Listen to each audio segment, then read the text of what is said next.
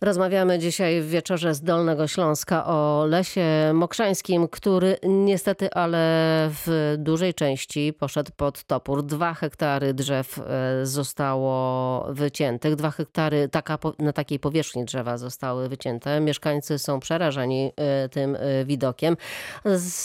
Słyszeliśmy przed chwilą, też w poniedziałek deklarował to nadleśniczy z Nadleśnictwa Miękinia, że zarówno mieszkańcy, jak i Komitet Las, Ratujmy Las Mokrzański i Nadleśnictwo usiądą do e, rozmów. W tych rozmowach także z, weźmie udział e, miasto. Z nami teraz wiceprezydent Wrocławia Adam Zawada. Dobry wieczór panu.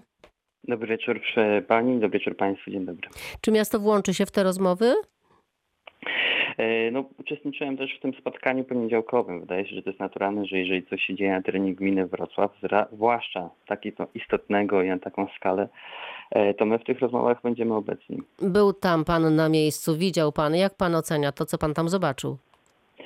No bardzo przykry widok, jeżeli chodzi o same, e, samą wycinkę, no to, to, to zawsze smuci. Natomiast ogromne emocje wśród mieszkańców, moim zdaniem dosyć uzasadnione, ponieważ no, słyszeliśmy wypowiedzi, że po pierwsze są bardzo emocjonalnie związani z tą przestrzenią, z, z, z, poza tym bardzo piękną, no to trzeba powiedzieć, że naprawdę uroki tego miejsca są niezwykłe.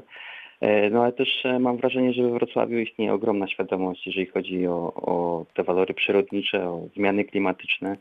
E, I to, to akurat mnie bardzo cieszy, że ludzie się skrzyknęli i walczą o swoje, w tym przypadku o naszą dolnośląską, wrocławską przyrodę. Tam jedna z mieszkanek zaproponowała, złożyła taką propozycję podczas tego spotkania w lesie, że byłoby najlepiej, gdyby miasto przejęło ten teren jako taki teren miejski. Czy to jest w ogóle możliwe?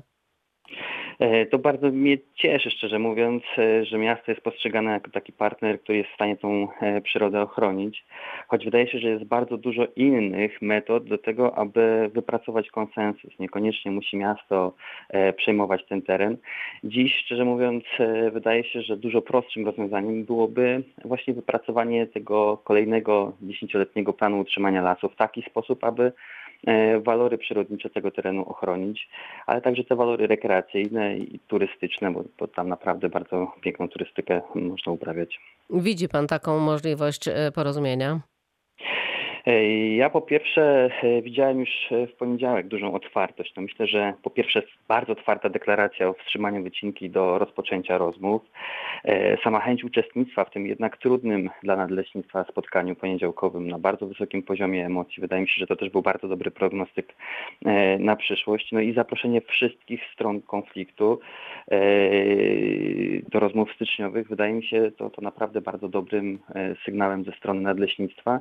No i też takie bardzo delikatne, ale jednak deklaracje pewnych ustępstw, rozmów. E, No ja jestem bardzo optymistycznie nastawiony do tych rozmów i mam nadzieję, że, e, że ten konsensus zostanie e, zawarty. Pierwsze spotkanie pod koniec stycznia. Na pewno będziemy się przyglądać temu i będziemy informować. Najmocniej dziękuję. Wiceprezydent Wrocławia Adam Zawada był naszym gościem teraz. A my do Bardzo rozmowy dziękuję i wrócimy za chwilkę. Trzymam, trzymam kciuki za wszystkich Państwa, naprawdę bardzo dobra robota. Dziękujemy.